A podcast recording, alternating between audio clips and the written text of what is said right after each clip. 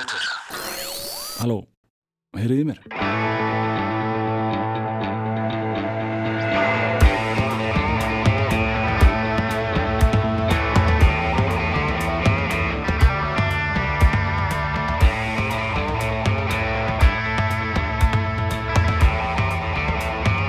Kæru hlustundur, við erum velkomin í frumskóðan.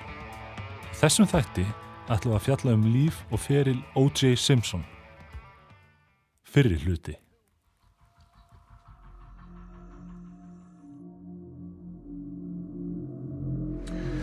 I'm going to tell you a story you've never heard before because no one knows this story the way I know it. It takes place the night of June 12, 1994, and it concerns the murders of my ex-wife, Nicole Brown Simpson, and her young friend, Ronald Goldman. Forget everything you think you know about that night because I know the facts better than anyone. The story you know or think you know, that's not the story, not even close. This is one story the whole world got wrong.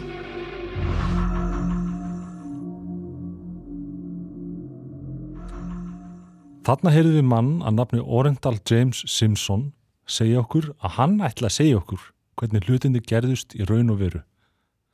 Hvaða hlutir er þetta sem þessi maður er að tala um og hver er þessi maður?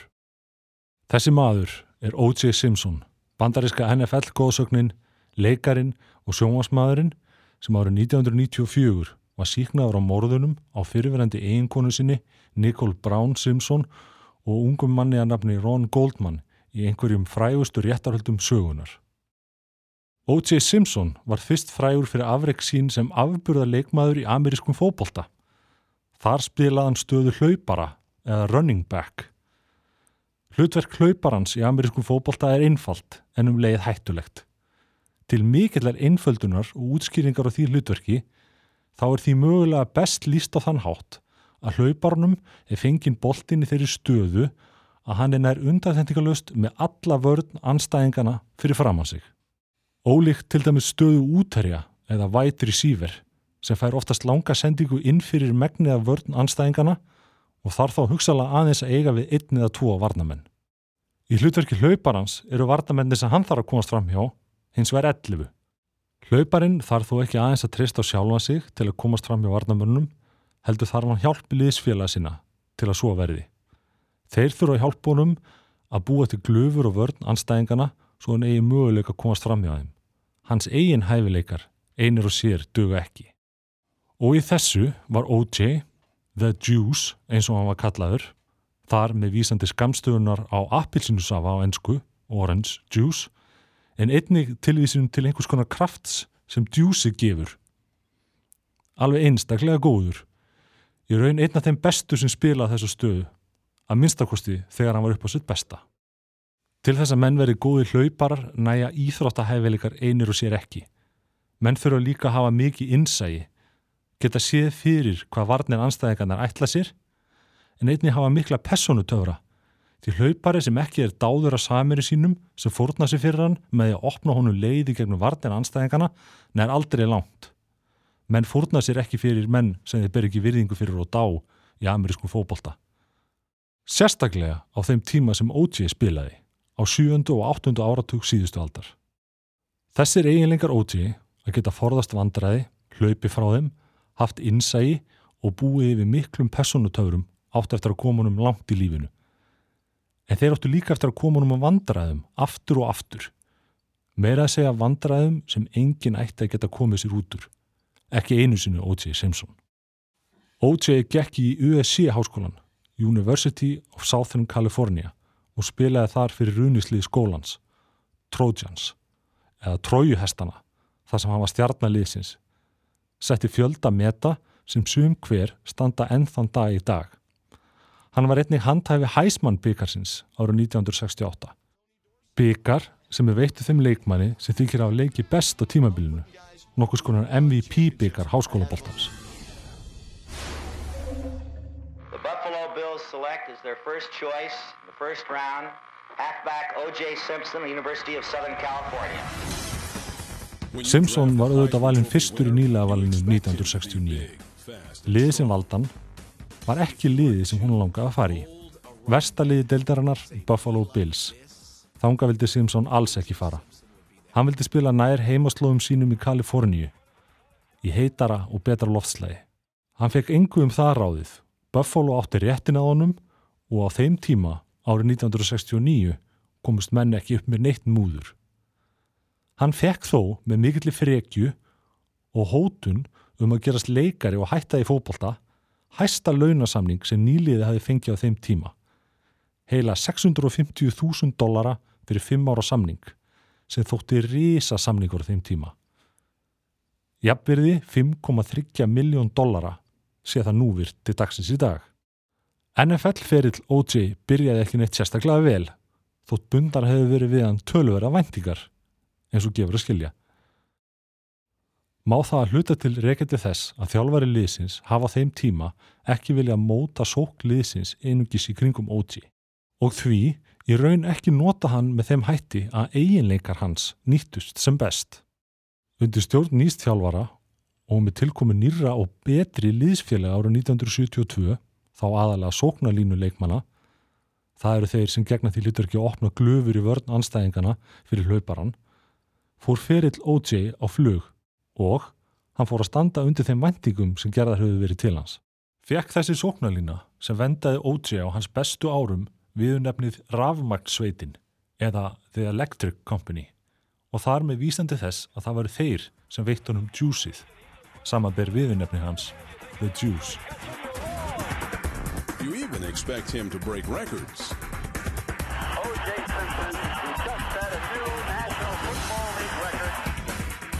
But you don't expect him to rush for 2,000 yards in a 14 game season, which is what the Juice did in 1973. It's probably the most remarkable single season performance by any running back in the NFL. O.J.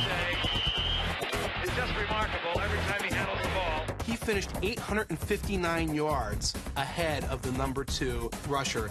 That's like winning a race, crossing the finish line, and the other guys are barely at the halfway point. Us at this moment fully realize what it has been our great privilege to watch O.J. Simpson run for 2,000 yards in one season. Árið 1973 var O.J. fyrsti hlauparinn sem náði þeim árangri að ná að hlaupa með boltan 2000 hjarta á einu og sama tímabilinu. Tæpa 1900 metra til útskýringa fyrir okkur Evropubúana. Og jafnframt skoraðan 12 snertimörk. Það með O.J. stendur í raun ennþá þar sem það var sett þegar aðeins voru spilaði 14 leikir á leiktíðinni í NFL-dildinni.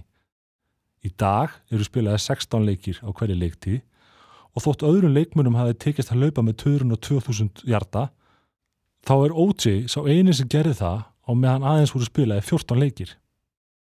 Þetta ár var hann verðlaunaður sem mikilvægasti leikmaður deildarinnar, MVP.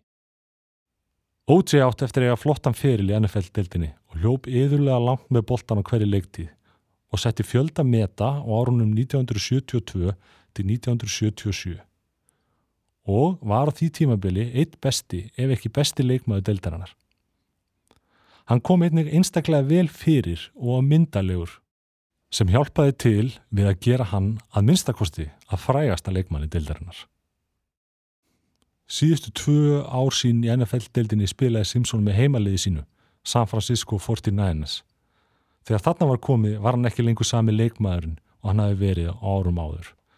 Settu þar meðsli og aukin áhuga hans á að hasla sig völd sem leikari helst stryk í reikningin. O.J. settist í Helganstein sem fótboltamæður eftir tímabili 1979 eftir að spila 11 ár í NFL-dildinni. Fyrir hlaupara er það nokkuð langur ferill. Ég ljósi þess að hlaupararnir eru þeir leikmenn sem verða fyrir hvað mestum í þessari annars mjög svo erfiðu. O.J. Simpson doesn't need uh, much of an introduction. O.J. probably is one of the best football players that ever played this game, and he last week he announced his retirement. But he's been doing a lot of acting, so I'm sure that he's going to continue to be in the public eye. And as a matter of fact, on December the 30th, at 8 o'clock here on NBC, he's going to star in a television movie called Goldie and the Boxer. Would you welcome O.J. Simpson? Hey! Ferill O.J. í NFL-dildinni er þegar hortir í tölutar magnaður og sett hann fjölda meta sem sum hver standa enn þann dag í dag. Hvað sem því líður verður ekki hort fram með því að lið hans Buffalo Bills var aldrei neitt sérstaklega sigursælt þráttur að O.J. sjálfum gengi vel á vellinum. Til að mynda spilaði O.J. og lið hans Buffalo aðeins einn úrslitakeppnisleik á hans ferli og vann hann því skiljanlega aldrei hinn stóra Bowl byggar eða ofurskálina. Komst í raun aldrei nálat við. Árið 1985 var O.J. Simpson tekinn inn í fræðarhöll NFL-deildarinnar, Pro Football Hall of Fame og var það á hans fyrsta ári sem hann var gjaldgengur í intöku þangað. Árið 2019 var Simpson svo tilnemdur í úrvalslið NFL-deildarinnar á 100 ára ammali deildarinnar. Eftir að íþróttaferli Simpsons laug snýna hann sér að fullum krafti að sjónvars og leiklistaferli sínum. Aug þess sem hann gerist talsmaði fyrirtækja og leiki auðlýsingum, svo sem fyrir hertz Do you bílalegu. really. That little window of time when it seems that everybody's trying to make their flight home. Look, in just moments, the instant return computer prints out your receipt. No counters, no waiting. No time lost making your flight. Instant return is one more reason why Hertz beats the rush hour. Call Hertz today for low daily rates on Lincolns with Hann var einnig fljótt vinsæll fyrir umfjallanir sínar um NFL-deildina sem álitsgjafi og sérfræðingur hjá ABC sjónvastuðinni. for that playoff game, but uh, the way it looks here, I don't think so. I think this guy may be through for the year. Juice, you spent a lot of time around this Buffalo team. That's your old ball club, and you've done some features on them. Obviously, Kelly was having a Pro Bowl caliber season. But what is the team's feeling about Frank Reich? Well, you know, they had a lot of confidence in Frank Wright. Last year, when they were having all the controversy and the victory, and a lot of people were pointing fingers at Jim Kelly, most of the guys on the football field... Simpson leik í fjölda sjónvastátta og kvikmynda. Flestar voru kvikmyndenda þó svo kallar sjónvasmyndir sem ekki eru síndar í kvikmyndahúsum. En hvað þekktastur á þessu sviði var hann þó án vafa fyrir tólkun sína á Detective Nordberg í Naked Gun þríleiknum. Það verður að segjast að hann sýnir á köpnum þar ansi góða takta í tólkun sinni á lauruglumanninum seinhefna. There's someone else here who wants to thank you. Nordberg! Hiya, buddy. Hey! Doc says I should be on my feet and as good as new in a week. And back on the force. Nordberg! That's wonderful. Whoa! Oh, Frank. Everyone should have a friend like you.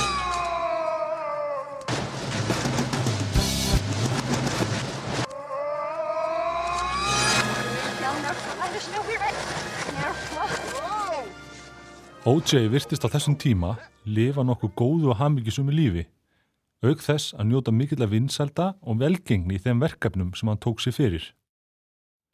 Árið 1977 kynntist O.J. ungri konu að nafni Nicole Brown og skemmtistað sem hún starfa á og O.J. hafi verið gestur á. O.J. var endar giftur á þeim tíma fyrir eiginkonu sinni sem hann á með þrjú börn en let það smáraði ekki stoppa sig og tók upp samband við hennar ungu Nicole sem var á þeim tíma 18 ára gumul. Árið 1985 giftist O.J. Nicole Brown og eignuðust þau tvö börn, Sidney Brooke Simpson, fætt 1985 og Justin Ryan Simpson, fættur 1988. Lífið virtist leika við O.J. og Nicole. Út á við virtust þau afar hamingjusumt par. En það var ekki allt sem syndist í lífi þeirra, í raun langt í frá.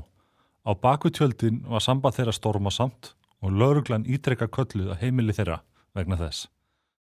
Árið 1988 samdi Ótsík sig frá heimilisofbeldismáli þar sem hann var ásakaður um að leggja hendur á Nicole í eitt af þeim skiptum sem lauruglan var kölluð til á heimili þeirra í Rockingham. Til útskýringar á því lísti OJ yfir svo kalluðu no contest vegna ákjörnar gegn sér í því máli. Í því fælst að sakborningurinn lýsir yfir hvorki sektni sakleysi í málunu, en um leið sætti sér við ákjörna og líkur henni með samningi, svo kalluðum plíbarkin. Nicole Brown Simpson óskaði formulega eftir skilnaði við O.J. Simpson í februar 1992 og bar við í skilnaðagögnum að ástæðu skilnaðar væru ósættanlegur ágreiningur sem er algeng ástæða sem gefin er vegna skilnaðar í bandaríkjónum. O.J. sætti sér illa við þetta og gerði ítrekkaði tilunir til þess að fá Nicole aftur og reyndi parið um tíma að taka saman aftur. Það endaði þó yfirleitt með ósköpum og varð O.J. eftir því sem leið sífelt ofsafengnari í samskiptu sínum við Nicole vegna þess. Over here now, to 325 Gretna Green. He's back. Please. okay, what does he look like? He's O.J. Simpson. I think you know his record. Could you just send somebody over here? Okay, what is he doing there? He just drove up again. He just drove somebody up. over. Okay, wait a minute. What kind of car is he in? He's in a white Bronco, but first of all, he broke the back door down to get in. Okay, wait a minute. What's your name? Nicole Simpson. Okay, is he the sportscaster or whatever? Yeah. Okay, and what Thank is, you. wait a minute. We're sending the police. What is he doing? Is he threatening you? I'm going nuts. Okay, has he threatened you in any way, or or is he just harassing you? You're going to hear him in a minute. He's about to go in again. Okay, just stay on the line. I don't want to stay on the line. He's going to beat the shit. Wait a minute. Wait, just stay on the line so we can know what's going on until the police get there. Okay? Okay, Nicole. Uh huh. Just a moment. Does he have any weapons? I don't know. Okay. He went home. Now he's back. My kids are upstairs sleeping, and I don't want anything to happen. Okay. Has he hit you today or no? No. Okay. You don't need any paramedics or anything. Uh-uh. Okay. You just want him to Broke leave. my door. He broke the whole back door in. And then he left and he came back. And he came and he practically knocked my upstairs door down, but he pounded it, and then he screamed and hollered, and I tried to get him out of the bedroom because the kids are sleeping in there. Mm-hmm. Okay. And then he wanted somebody's phone number, and I gave him my phone book and was going, or I gave put my phone book down to write, to write down the phone number that he wanted, and then he took my phone book with all my. Mm-hmm. What does he say? What he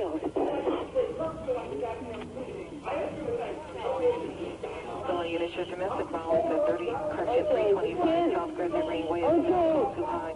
The suspect is now entered in the jail and it is refusing to leave. It's code too high. Incident 4221 RD 825 children involved.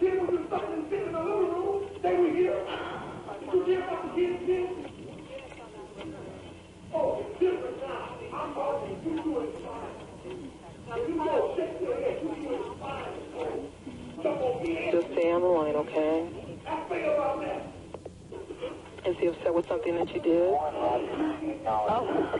a long time ago, it always comes back.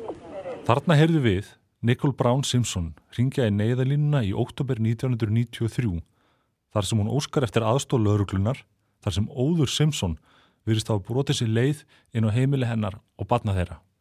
Í bakgrunnum má heyra Simpson öskra og láta öllum illum látum. Innan við ári setna eða snemma morguns þann 12. júni 1994 bárust fréttir af hróttalegum morðum á tveimur manneskjum, konu og ungum kallmanni. Fórnarlömpin reyndust vera Nicole Brown Simpson og Ronald Goldman. Fyrsti maðurinn sem LAPD, lauruglan í Los Angeles, vildi ná að tala vegna morðana var O.J. Simpson. Kom það til bæði vegna þessa makar eða fyrrum makar eru yfirleitt þeir sem fyrst er hort til vegna andláts aðila sem talið er hafa komið til með sagnum um hætti. En einnig vegna fyrri sögu O.J. og ofbeldir hans gegn Nicole. Þegar lauruglan fór að grænslast fyrir um O.J. til að ná tala af honum kom í ljós að hann hafi sent kvöldi áður tekið flug til Chicago þar sem hann átt að spila golf með mikilvægum vískiptöfunum hertzbílalegunar þennan sama dag.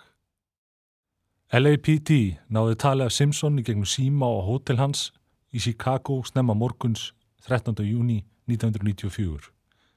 Í gögnum lauruglunar kemur fram að þegar O.J. var tilkynnt um að Nicole hefði fundist látin hafa hann ekki spurt um með hvaða hætti andlát hennar hefði búrið að. Það þótti mönnum hjá LAPD afar grunnsanlegt.